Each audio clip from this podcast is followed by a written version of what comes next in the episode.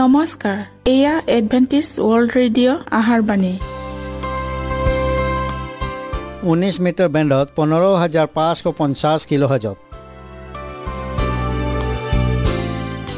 Adventist World radio যোগে অসমীয়া ভাষাত প্ৰচাৰিত আহাৰবাণী প্ৰত্যেক বুধবাৰ আৰু দেওবাৰ সন্ধিয়া সাত বজাত আহাৰবাণী শুনাৰ পিছত আপোনালোকৰ কিবা মন্তব্য আৰু প্ৰশ্ন থাকিলে আমালৈ এই ঠিকনাত লিখক। আমাৰ ঠিকনাটি হৈছে Adventist world radio' seven day Adventist মণ্ডলী অসম শাখা লতাকাটা বশিষ্ট গুৱাহাটী সাত আঠ এক শূন্য দুই ন।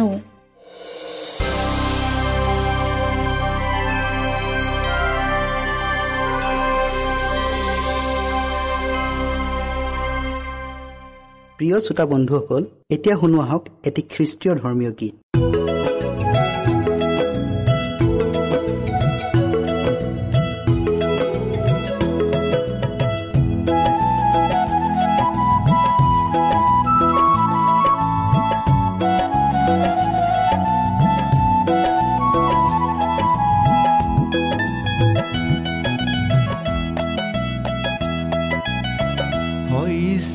পথাৰত যিচুৱে মাতিছে ৰিঙিয়াই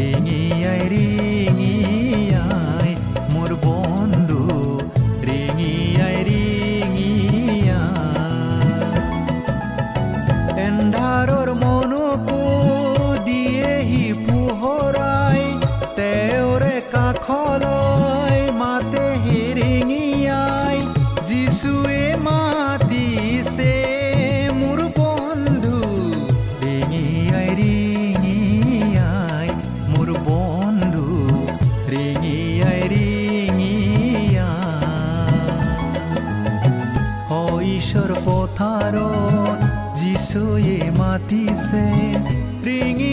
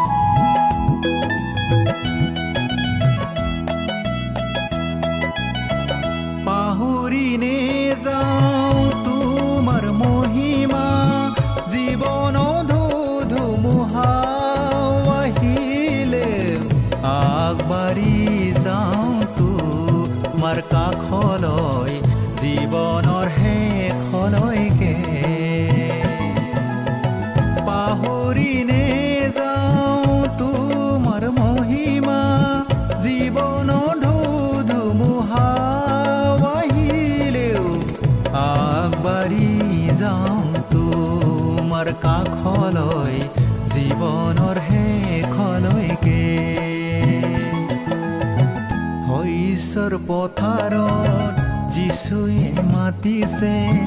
ৰিঙিয়াই ৰিঙিয়াই মোৰ বন্ধু। ৰিঙিয়াই ৰিঙিয়াই মোৰ বন্ধু। ৰিঙিয়াই ৰিঙিয়াই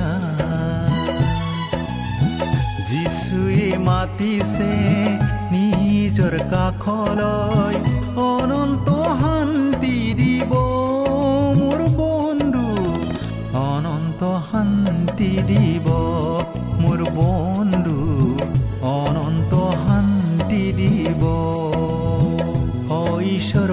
পথাৰত যিচুৱে মাতিছে ৰিঙিয়াই ৰিঙিয়াই মোৰ বন্ধু ৰিঙিয়াই ৰিঙিয়াই মোৰ বন্ধু ৰিঙিয়াই ৰিঙিয়াই প্ৰিয় শ্ৰোতা বন্ধুসকল আহক আমি খন্তেক সময় বাইবেল অধ্যয়ন কৰোঁ।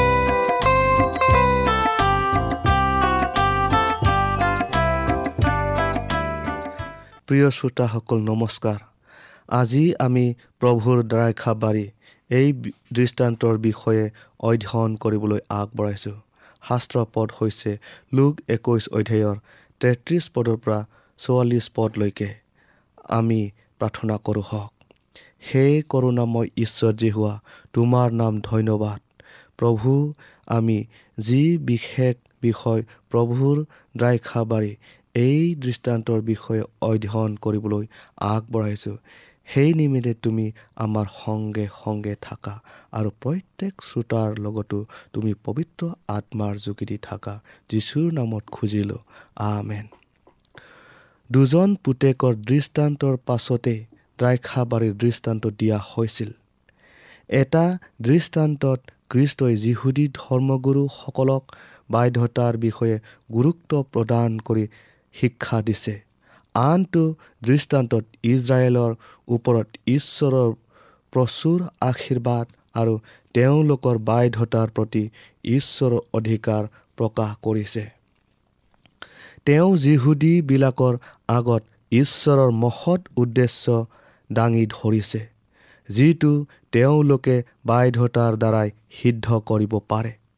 আগলৈ আঙুলিয়াই তেওঁলোকে ঈশ্বৰৰ আশীৰ্বাদৰ পৰা নিজকে বঞ্চিত কৰি তেওঁৰ উদ্দেশ্য সিদ্ধ কৰাত বিফল হোৱা আৰু সমগ্ৰ জাতিটোৰ অধপতন হোৱা দেখুৱালে।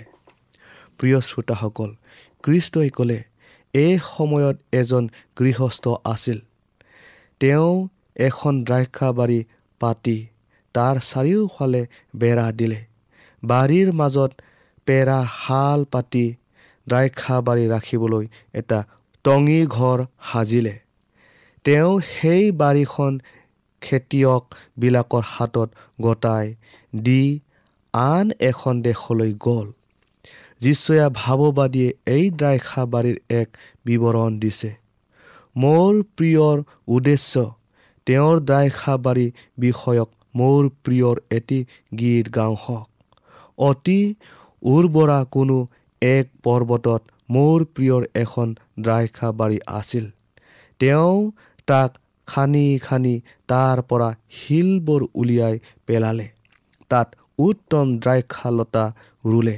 তাৰ মাজত ওখ ঘৰ সাজিলে আৰু তাত এটা দ্ৰাক্ষা কুণ্ডও শিলত খান্দিলে। পাছে দ্ৰাক্ষা গুটি লাগিবলৈ তেওঁ অপেক্ষা কৰি থাকিল। কিন্তু তাত বনৰীয়া দ্ৰাক্ষা গুটি লাগিল যিচয়া পাঁচ অধ্যায়ৰ এক আৰু দুই পদত। গৃহস্থজনে নিৰ্জন ঠাইৰ মাটি এডোখৰ বাছি লৈ তাৰ চাৰিওফালে বেৰ দি পৰিষ্কাৰ কৰিলে আৰু চহাই লৈ উত্তম দ্ৰাক্ষা গুটি ৰুই গোটোৱা সময়লৈ অপেক্ষা কৰি থাকিল। মাটিডোখৰ পতীত অৱস্থাৰ সুবিধা বুজি সেই মাটিৰ প্ৰতি যত্ন আৰু পৰিশ্ৰম কৰি তাত শস্য উৎপন্ন কৰিলে মানুহৰ মান প্ৰশংসাৰ পাত্ৰ হ'ব এই আশা কৰিছিল। সেয়ে ঈশ্বৰে কৃষ্টৰ শিক্ষাৰে শিক্ষিত হ'বলৈ জগতৰ পৰা এটা জাতিক মনোনীত কৰিলে। ভাৱবাদীয়ে কৈছে ইজৰাইল বংশে বাহিনীবিলাকৰ জিহুৱাৰ দ্ৰাক্ষাবাৰী আৰু জিহুদাৰ লোকবিলাকে তেওঁৰ এক মনোৰমা পুলি। ঈশ্বৰৰ অক্ষয় ভঁৰালৰ পৰা প্ৰচুৰ পৰিমাণে আশীৰ্বাদ দান কৰি এই লোকবিলাকৰ প্ৰতি বিশেষ অধিকাৰ প্ৰদান কৰিলে। এই লোকবিলাকে যেন তেওঁৰ ব্যৱস্থাসমূহ পালন কৰি তেওঁৰ সন্মান কৰে এনে আশা কৰিছিল। স্বৰ্গ ৰাইজৰ মৌলিক অধিকাৰৰ বিষয়ে প্ৰকাশ কৰাটো তেওঁলোকৰে দায়িত্ব আছিল। পাপপূৰ্ণ আৰু পতীত জগতত ঈশ্বৰৰ সৎগুণ প্ৰতিফলিত কৰা অধিকাৰ তেওঁলোকৰ আছিল। তেওঁলোকে প্ৰভুৰ দ্ৰাক্ষাবাৰীৰ কাৰণে দেৱ পূজক লোকৰ দৰে নহৈ একেবাৰে সাদৃশ্য নথকা আত্মিক ফল উৎপন্ন কৰিব দিছিল। কাৰণ এই দেৱ পূজক জাতিবিলাকে নিজকে দুষ্ট কৰ্মত মন প্ৰাণ সপি দিছিল। এই পৰজাতি দুষ্ট মানুহবিলাকে উগ্ৰ আৰু অপৰাধ লোভীয়া অত্যাচাৰী আৰু অতি জঘন্য নিজ কাৰ্যবোৰত ধিতাবোধ নকৰাকৈ প্ৰবৃত্ত হৈছিল। অধপতন অপৰাধ মহাযন্ত্ৰণা ইত্যাদি কলুষিত হোৱা বৃক্ষৰ ফল। তুলনা কৰিলে ঈশ্বৰে ৰোৱা দ্ৰাক্ষালতাত উত্তম দ্ৰাক্ষা গুটিহে উৎপন্ন হ'ব লাগিছিল। প্ৰিয় শ্ৰোতাসকল ঈশ্বৰে মচিৰ যোগেদি প্ৰকাশ কৰা তেওঁৰ সৎ গুণবোৰ আনৰ আগত প্ৰতিফলিত কৰিবলৈ অধিকাৰ আছিল। মচিৰ প্ৰাৰ্থনা বিনয় কৰিছোঁ তুমি মোক তোমাৰ প্ৰতাপ দেখিবলৈ দিয়াৰ। উত্তৰত ঈশ্বৰে কৈছিল মই তোমাৰ আগে দি মোৰ সকলো শ্ৰেষ্ঠত গমন কৰাম আৰু তোমাৰ আগত জিহুৱাৰ নাম ঘোষণা কৰিম।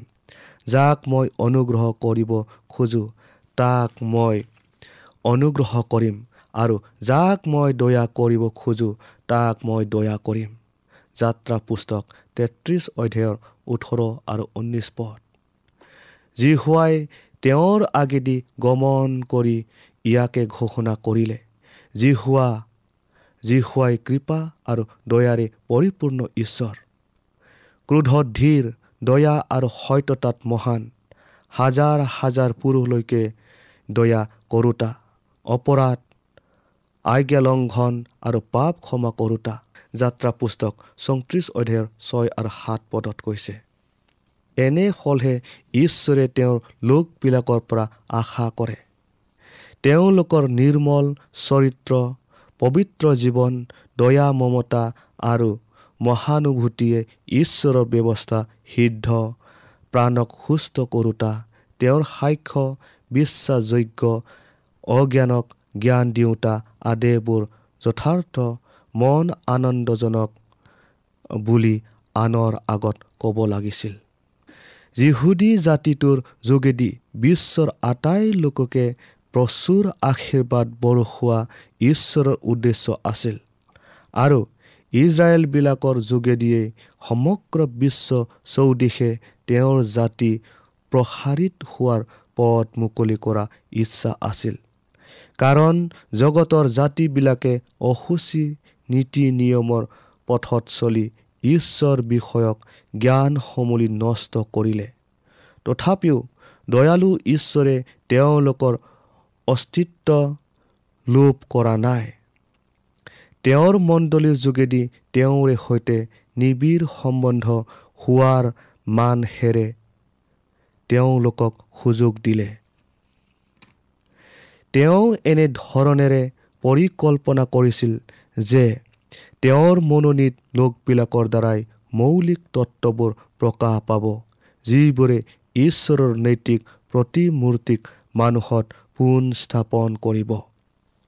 এই উদ্দেশ্য সাধনৰ অৰ্থে অসাৰ দেৱ পূজক জ্ঞাতি কুটুম্বৰ পৰা ঈশ্বৰে অব্ৰাহমক মাতি উলিয়াই আনি কণান দেশত বাস কৰিবলৈ আদেশ দিলে। ঈশ্বৰে কৈছিল আৰু মই তোমাৰ পৰা এক মহাজাতি উৎপন্ন কৰিম আৰু তোমাৰ আশীৰ্বাদ কৰি তোমাৰ নাম খ্যাতিমন্ত কৰিম। তাতে তুমি আশীৰ্বাদৰ আকৰ হ'বা। প্ৰিয় শ্ৰোতাসকল অব্ৰাহমৰ উত্তৰাধিকাৰী জাকুব আৰু তেওঁৰ বংশধৰসকলক মিছৰ দেশলৈ আনি মহাদুষ্ট মানুহবিলাকৰ মাজত থাকি ঈশ্বৰৰ ৰাইজৰ মৌলিক নীতি নিয়মবোৰ যেন প্ৰকাশ কৰে। জোচেফৰ একাগ্ৰতা আৰু আচৰিত কৰ্মই মিছৰীয়াবিলাকৰ জীৱন ৰক্ষা কৰা কৃষ্টৰ জীৱন চৰিত্ৰক প্ৰতিফলিত কৰে। সেইদৰে মচি আৰু অন্যান্যসকলেও ঈশ্বৰৰ সাক্ষ্য প্ৰদান কৰিছিল। ঈশ্বৰে ইজৰাইলবিলাকক মিছৰ দেশৰ পৰা উলিয়াই আনি তেওঁৰ ক্ষমতা আৰু দয়া স্পষ্টৰূপে পুনৰাই তেওঁ দেখুৱালে। তেওঁলোকৰ বন্দী অৱস্থাৰ পৰা উদ্ধাৰৰ অৰ্থে ঈশ্বৰৰ আচৰিত কাৰ্য আৰু মৰুভূমিৰ মাজেদি যাত্ৰা কৰা কালত তেওঁৰ লোকবিলাকৰ সৈতে কৰা আচৰণ কেৱল তেওঁলোকৰ লাভালাভৰ কাৰণেই নাছিল। বৰং তেওঁলোকৰ চাৰিওফালে আগুৰি থকা জাতিবিলাকৰ কাৰণেও দৃশ্যমান শিক্ষাস্বৰূপ হয়। মানৱ আইনসংগত ক্ষমতা আৰু মহানতাতকৈ অতি শ্ৰেষ্ঠ বুলি ঈশ্বৰে নিজকে প্ৰকাশ কৰিলে। যিবোৰ অৰ্থপূৰ্ণ চিন দেখুৱালে আৰু অদ্ভুত কাৰ্যবোৰ তেওঁৰ লোকবিলাকৰ হৈ কৰিলে। এয়া আছিল প্ৰকৃতি আৰু প্ৰকৃতি উপাসকবিলাকৰ ওপৰত তেওঁৰ প্ৰভুক্ত প্ৰদৰ্শন। গৰ্বী দেহ মিশ্বৰৰ প্ৰতি ঈশ্বৰে যিদৰে দৃষ্টিপাত কৰিছিল ঠিক তেনেকৈ অন্তিম দিনবোৰত পৃথিৱীৰ ওপৰত দৃষ্টিপাত কৰিব। অগ্নি ধুমুহা বতাহ ভূমিকম্প আৰু মৃত্যুৰ মাজেদিও মই আছোঁ জনাই তেওঁৰ লোকবিলাকক উদ্ধাৰ কৰিব। ঈশ্বৰে তেওঁৰ লোকবিলাকক পুৰণি ধৰুৱা সাপ আৰু কেঁকোৰা বিচা থকা মহৎ আৰু ভয়ানক অৰণ্যেদি গমন কৰাইছিল। তেওঁৰ অৰণ্যৰ মাজত শিলবোৰ ফালি তেওঁলোকক পাণ কৰালে আৰু তেওঁলোকক ভোজনৰ অৰ্থে স্বৰ্গৰ শস্য দিলে। কিয়নো জীহুৱাৰ ভাগ তেওঁৰ প্ৰজাই জাকুবেই তেওঁ অধিকাৰ কৰা অংশ। তেওঁ অৰণ্য দেশত তাক পালে। জন্তুৱে চিঞৰি থকা ভয়ানক মৰুভূমি তাক পালে। তেওঁ তাক আৱৰি ধৰি তাৰ তত্বাৱধান কৰিলে আৰু নিজ চকুৰ মণিৰে দৰে তাক ৰাখিলে। যি ঈগল চৰাইয়ে নিজৰ পোৱালীয়ে উৰিবলৈ বা লৰাই সিহঁতৰ ওপৰত ঘূৰে। সেই ঈগল চৰাইৰ নিচিনাকৈ তেওঁ নিজৰ দেউকা মেলি তাক তুলি নিজ দেউকাৰ ওপৰত তাক বৈ নিলে। জিহুৱাই অকলে তাক লৈ গ'ল। তেওঁৰ লগত আন কোনো পৰজাতীয় দেৱতা নাছিল। এইদৰে ঈশ্বৰে তেওঁলোকক নিজৰ কাষলৈ চপাই আনিলে যাতে তেওঁলোক অতি মহানজনৰ চাহ তলত চিৰকাল বাস কৰিব পায়। প্ৰিয় শ্ৰোতাসকল ইজৰাইলৰ সন্তানবিলাক অৰণ্যত ভ্ৰমি ফুৰা সময়ত কৃষ্টই তেওঁলোকৰ পথ প্ৰদৰ্শন আছিল। দিনৰ পোহৰত মেঘস্তম্ভ হৈ আৰু ৰাতি আন্ধাৰত অগ্নিস্তম্ভ হৈ তেওঁলোকৰ পথ প্ৰদৰ্শক হৈ চলাই নিছিল। অৰণ্যত তেওঁলোকক সংকট বিপদৰ পৰা ৰক্ষা কৰি ঈশ্বৰক স্বীকাৰ নকৰা আটাই জাতিবিলাকৰ সাক্ষাতে অংগীকৃত দেশত প্ৰৱেশ কৰালে। ঈশ্বৰে তেওঁৰ দ্ৰাক্ষাবাৰী অৰ্থে নিজৰ অধিকৃত সম্পত্তিস্বৰূপে ইজৰাইলক সংস্থাপন কৰিছিল। ঈশ্বৰৰ আটাইবোৰ বিধি বিধান তেওঁলোকক গতাই দিয়া হৈছিল। তেওঁৰ অনন্তকলীয়া মৌলিক সত্য ন্যায় বিচাৰ আৰু পবিত্ৰতাৰ বিধি বিধানৰ ব্যৱস্থাই তেওঁলোকক ৰক্ষণাবেক্ষণ দিছিল। এই মূল তত্ত্ববোৰৰ বাধ্যতাই তেওঁলোকৰ ৰক্ষাকাৰী স্বৰূপ হ'বলগীয়া আছিল। কিয়নো এইবোৰেই তেওঁলোকৰ পাপ কৰ্মবোৰ বিনষ্ট কৰি উদ্ধাৰ কৰা উপৰিও ঈশ্বৰে তেওঁৰ পবিত্ৰ মন্দিৰৰ মাজত থকা দ্ৰাক্ষাবাৰীৰ উচ্চ গম্বুজৰ দৰে কৰিলেহেঁতেন। স্বয়ং কৃষ্ট তেওঁলোকৰ শিক্ষক আছিল। তেওঁ তেওঁলোকৰ সৈতে অৰণ্যত থকাৰ দৰে এতিয়াও তেওঁলোকৰ লগত থাকি তেওঁলোকৰ শিক্ষক আৰু পথ প্ৰদৰ্শক হোৱাৰ আগ্ৰহী। অস্থায়ী উপাসনালয় আৰু মন্দিৰ উভয়তে তেওঁৰ কৃপাসনৰ ওপৰত তেওঁৰ অখণ্ড প্ৰতাপে আৱৰি আছিল। তেওঁ তেওঁলোকৰ কাৰণে তেওঁৰ প্ৰাচুৰ্য প্ৰেম আৰু ধৈৰ্য অহৰহ প্ৰকাশ কৰি আহিছে। প্ৰিয় শ্ৰোতাসকল আজি আমি ইয়াতে ৰাখিলোঁ। ইয়াৰ বাকী অংশ পৰৱৰ্তী অনুষ্ঠানত আপোনালোকে শুনিবলৈ পাম। হওক ঈশ্বৰে আপোনালোকক আশীৰ্বাদ কৰক।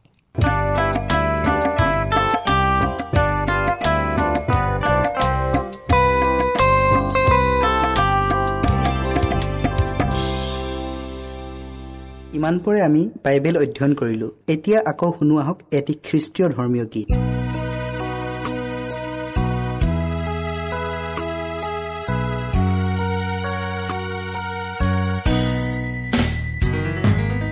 নতুন পৃথিৱী নতুন দিন নতুন সপোন দেখিবলৈ দিলা। নতুন পৃথিৱী নতুন দিন নতুন সপোন দেখিবলৈ দিলা পুৰণি দিন পুৰণি সপোন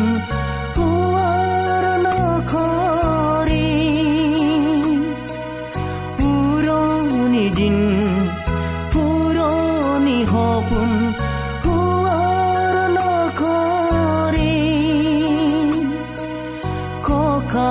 banding agbarhim notun yujo mere. Kokal banding agbarhim notun yujo mere.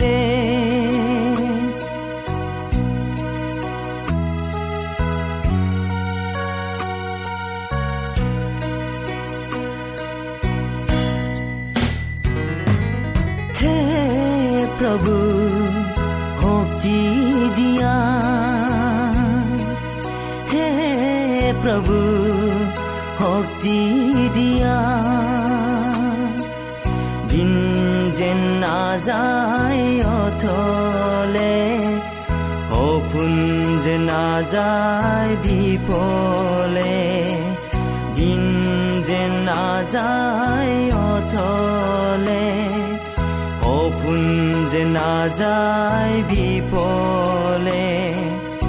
এখোজে নাগবাঢ়িম ধৰ্ম পথ এখোজে নাগবাঢ়িম ধৰ্ম পথ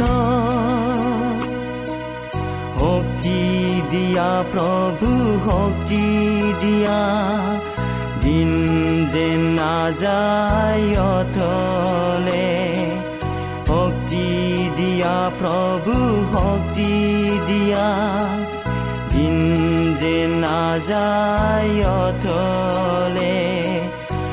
নতুন পৃথিৱী নতুন দিন নতুন সপোন।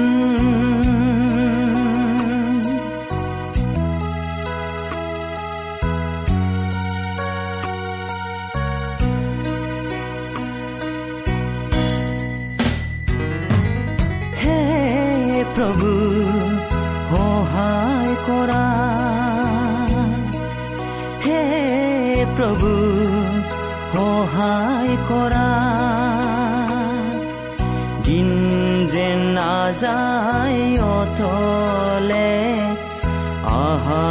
যে নাযায় বিপলে দিন যে নাযায় অথলে আহা যে নাযায় বিপলে এখোজ নাগবাঢ়িম ধৰ্ম পতন এখোজ নাগবাঢ়িম ধৰ্ম পতন। সহায় কৰা প্ৰভু সহায় কৰা। দিন যে নাযায় অথলে সহায় কৰা প্ৰভু সহায় কৰা। দিন যে নাযায় অথলে নতুন পৃথিৱী নতুন দিন নতুন সপোন দেখিবলৈ দিলা। নতুন পৃথিৱী নতুন দিন নতুন সপোন দেখিবলৈ দিলা। মনত ৰাখিব আমাৰ ঠিকনাটি পুনৰ কৈ দিছোঁ। Adventist world radio' Assam region of seven day Adventist voice of hope Latakata Basistha Guwahati seven eight one zero' two nine. প্ৰিয় শ্ৰোতা বন্ধুসকল এডভেণ্টিজ ৱৰ্ল্ড ৰেডিঅ' যোগে আহাৰবাণী প্ৰচাৰত আপোনালোকক পুনৰ লগ পোৱাৰ আহাৰে আজিলৈ সামৰিলোঁ। ধন্যবাদ।